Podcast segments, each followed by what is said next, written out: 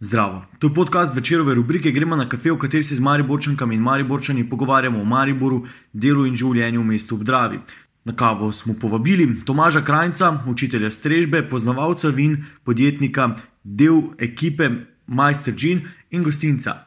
Pogosto ga vidimo na družabnih dogodkih, včasih kot mentorja strežbe srednje šole za gostinstvo in turizem Maribor, kjer je kot učitelj praktičnega puka zaposlen 80-odstotno delovnega časa, drugič kot obiskovalca, ki uživa v odlični kulinarični ponudbi, ali pa kot svetovalca in pomočnika organizatorja dogodka.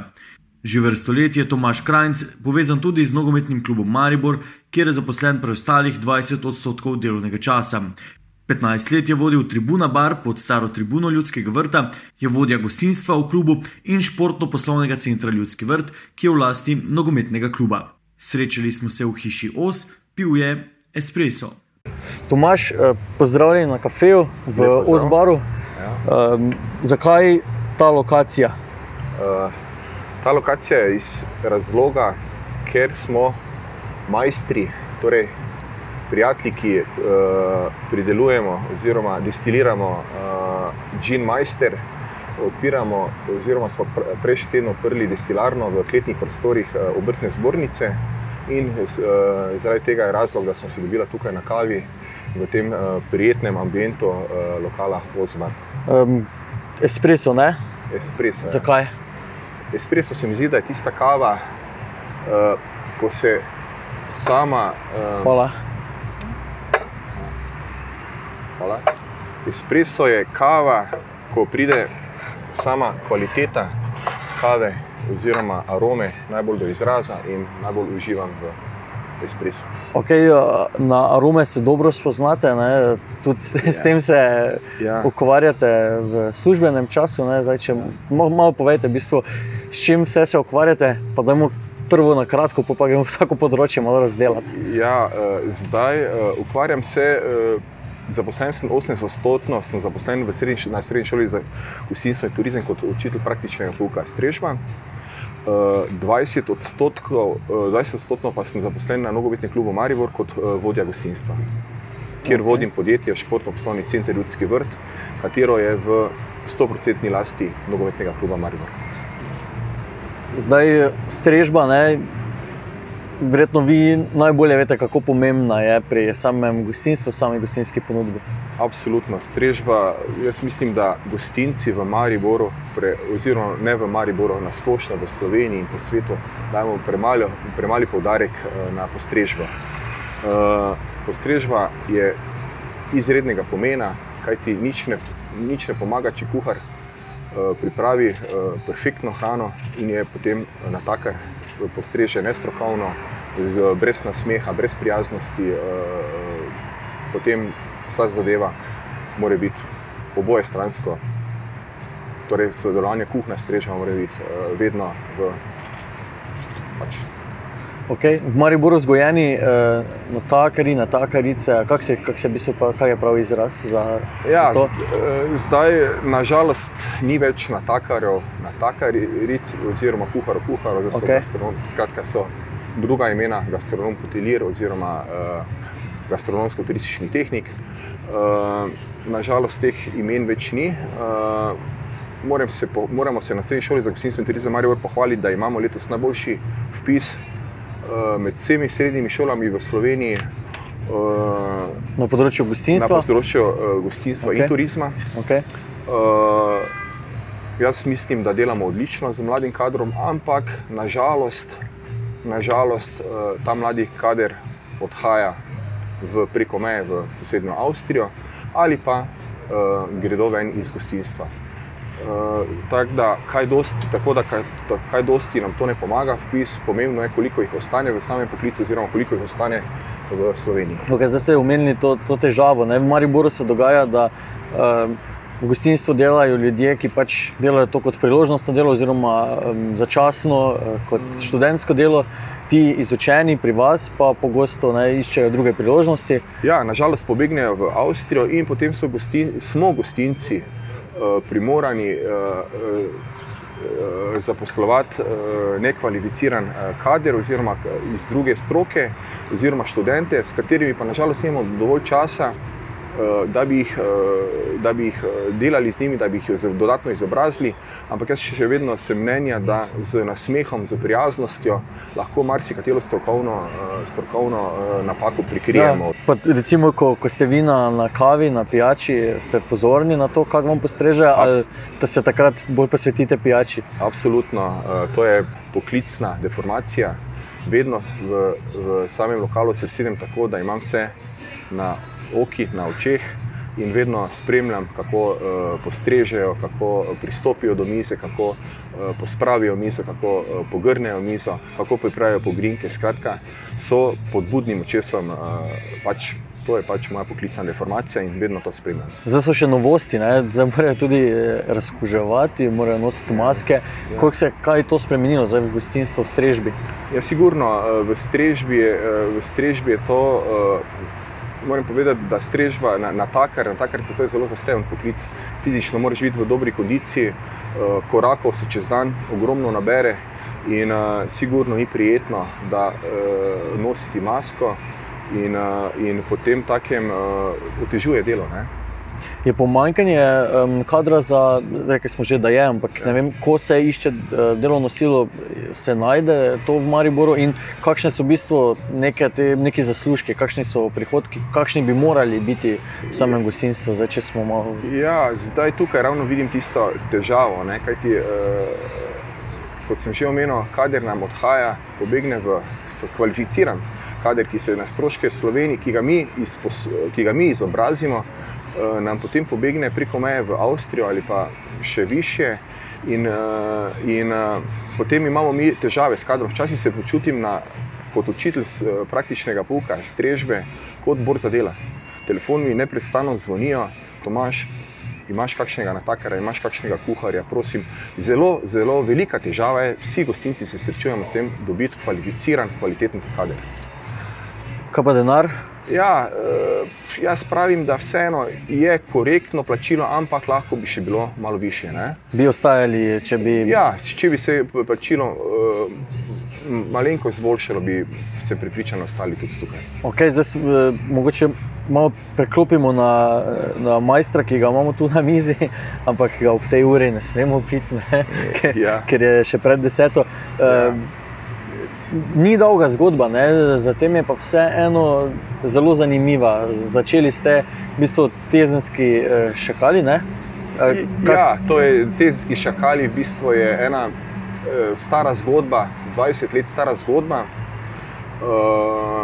ki se je porodila enkrat.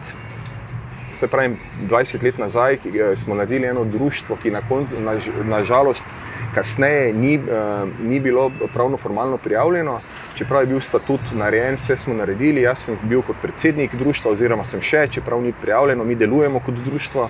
Skratka, prijatelji, stari prijatelji iz Tezna, ki smo rasli skupaj. Uh, kjer se udeležujemo raznih degustacij, uh, trgatev, tudi sami na tezno pridelujemo eno samorodnico, eno vino, uh, iz njega delamo sokove, delamo marmelade, skratka, smo kar aktivni, se veliko družimo in potem od nekaj teh članov je padla ena ideja, da naredimo majstričin. Ideja pa je stara nekje dve leti. Uh, Sam džin pa je na trgu dobro leto. Okay, in dobro je bil sprejet, predvsem v tistem prvem poletju, ja. za leto si malo bila razlika ja. eh, zaradi splošnih razmer, ampak vseeno odločite se, da, da zadevo razvijate, novosti um, na, napovedujete, kaj se bo dogajalo tukaj v kleti Oza? Ja, kot sem že omenil, v kletnih uh, uh, prostorih obrtne zbornice smo odprli destilarno in sedaj, do zdaj smo džin destilirali pri gospodu uh, Protnerju Janesu, kjer, je, uh, kjer nam je oče od Boštjana, ki je eden izmed petih članov uh, ekipe Majstri Džina. Uh, posodil kotl, uh, uh, kotl, katerega si je gospod Jože Protner uh, kupil za uh, odhod v penzion. Uh -huh. uh, na tem kotlu smo zdaj eno leto destilirali, zdaj pa so stvari prerasle, enostavno so bili prostori premali in smo uh, kupili nov kotl. In uredili v kletnih prostorih destilarno, ki zdaj uh, omogoča razvijanje tudi uh, ostalih džinov, in v prihodnjih mesecih, uh, še ne bom izdal, bo presenečenje, prideta na trg dva nova džina. kakšni okusi, pa ne bo, pa ne bo skrivnost. Okay. Um, ne samo z džinom, ne tudi z vinom se ukvarjate, oziroma radi ga degustirate. Malo omenite, kakšno ponudbo imamo tukaj na tem koncu, ste zadovoljni? Je, je za vem, nekoga, ki, ki se rad preizkuša v različnih okusih, dovolj pestra, premalo pestra? Z vinom se veliko ukvarjam, se tudi na šoli izobraž, izobraž, izobražujemo. Uh, Somelije, že tam v začetku 90-ih let imamo zelo, zelo dolgo tradicijo izobraževanja. V vseh teh letih smo izobrazili veliko somelijev prve, druge in tretje stopnje. In tudi sam sodelujem pri samem izobraževanju. Kaj se tiče ponudbe v Mariboru, se je izredno, v zadnjih letih izredno izboljšala, ampak nažalost še vedno vidim, da je mogoče premalo lokalnih vin. Tukaj vidim, mogoče res je Slovenija, v Sloveniji imamo tri vinorodne dežele, ampak vseeno se moramo zavedati, da je Maribor bom rekel, glavno mesto uh, Podravja in veliko več vin bi mogli biti iz Podravja. Govorimo o Štajerski Sloveniji uh, in uh, vseeno gostinci dajo na vinske karte preveč vin. Prav je, da so tudi iz uh, sosednjih, uh, iz drugih dveh uh, vinorodnih dežel uh, zastopana vina, da lahko tujec, da lahko gost poskusi celotno paleto slovenskih vin, ki je izredno pestra, izredno široka ampak osredotočiti bi se mogli na lokalno. Eh, vem, da je to že kot kliše, vedno podarjati eh, lokalno, lokalno, ampak to bi zdaj že moglo biti samoumevno. In premalo vidim šipona, laškega rizlinga, renskega rizlinga na vinskih kartah, vse preveč je mogoče vin iz tudi drugih vinorodnih eh, dežel. Se, kaj pa vinogradniki se morda premalo krat odločajo za, za kakšne eksperimente, pa za kakšne druge ponudbe, ne samo ta mirna vina, ki so pač tukaj tradicionalna? Ja, mogoče pa tu res vidim tisto, tisto skrivno, eh, mislim, ti, tisti problem, da mogoče gostinci posegajo po ozorjenih, eh, bogatih vinih. Iz primorske, kaj ti tukaj na Šterskem enostavno je premalo. Zaenkrat premalo takšnih vin, ampak se Uh, ampak se stvari uh, uh, zelo spremenjajo, in tudi število teh vin iz leta v leto narašča, in to izredno kvalitetnih, odličnih vin. Tako da je pareta na Štajerskem že izredno široka. Um, kaj pa ne vem, sami mi, kot ne degustatorji, ampak recimo uživalci vina, kakšne napake delamo, ko recimo pijemo vino, ko, ko ga poskušamo. Jaz pravim, največji dve, sta dve napaki. Dve mhm. napaki sta ti dve, vinogradnik se trudi skozi celo leto, spomladi mhm. reže, veže, eh, škropi, mulči, eh, kosi, upravlja eh, zelena dela. Skratka, proces, da pride do trgatve.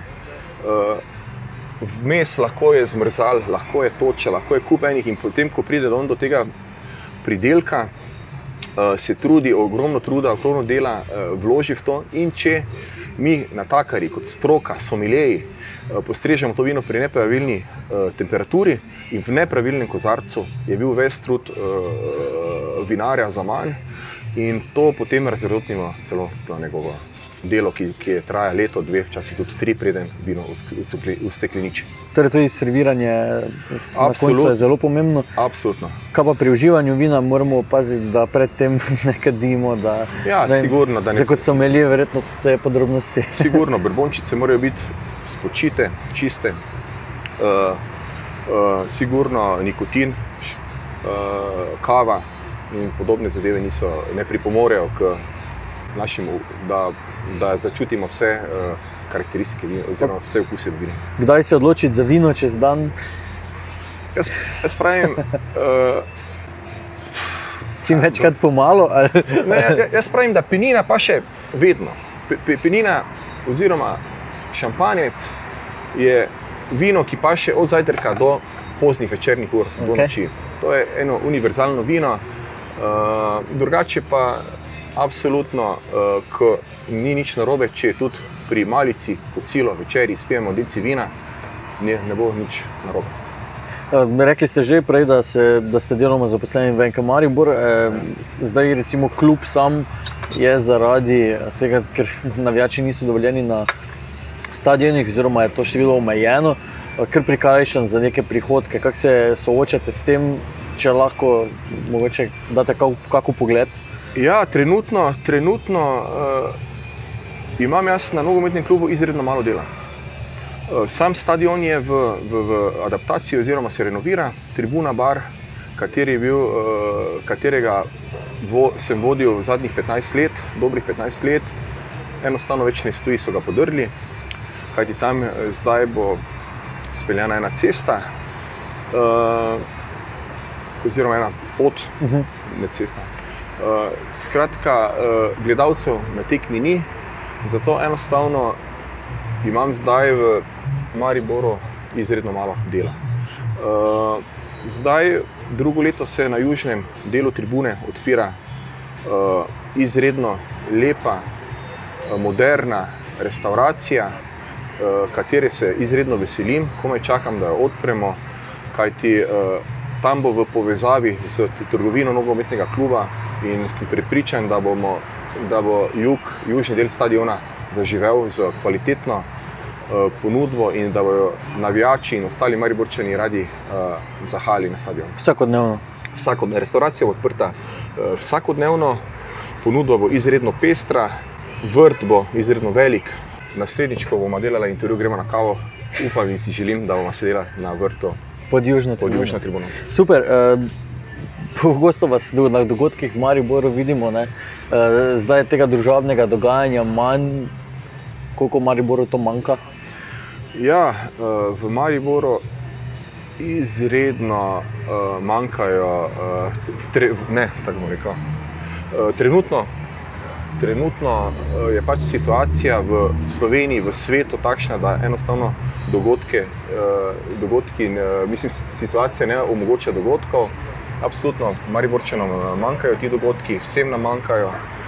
Upam in želim si, da se bo situacija čim prej popravila in da mogoče v jeseni že mogoče pride, kakšen, mi lahko bomo lahko organizirali kakšen dogodek, mogoče čili čokolada, ki je v začetku meseca oktobra. Okay, um je pa ne vem, kaj zdaj, ko je vse to stanje ne, okoli uh, tega virusa. Um, mogoče kakšen poziv ljudem, naj vseeno zahajajo v gostilne Mariborske. Ja, absolutno. Se, uh, absolutno uh, ker sem tudi sam gostinec, vem, kako je, ko enostavno gostov ni.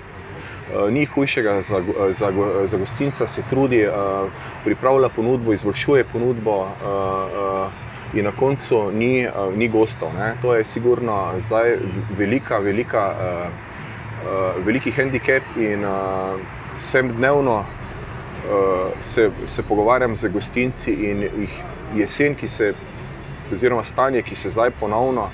Uh, sama okuženost se, viša, če ti napišem tako uh, se vsi bojijo, kaj, kaj bo prenesla jesen in zima, in kaj ti vsi pravijo, da bodo težko, še, le stežka preživeli še en takšen. Uh, Eno takšno je obdobje. Ukrepe, ja. obdobje.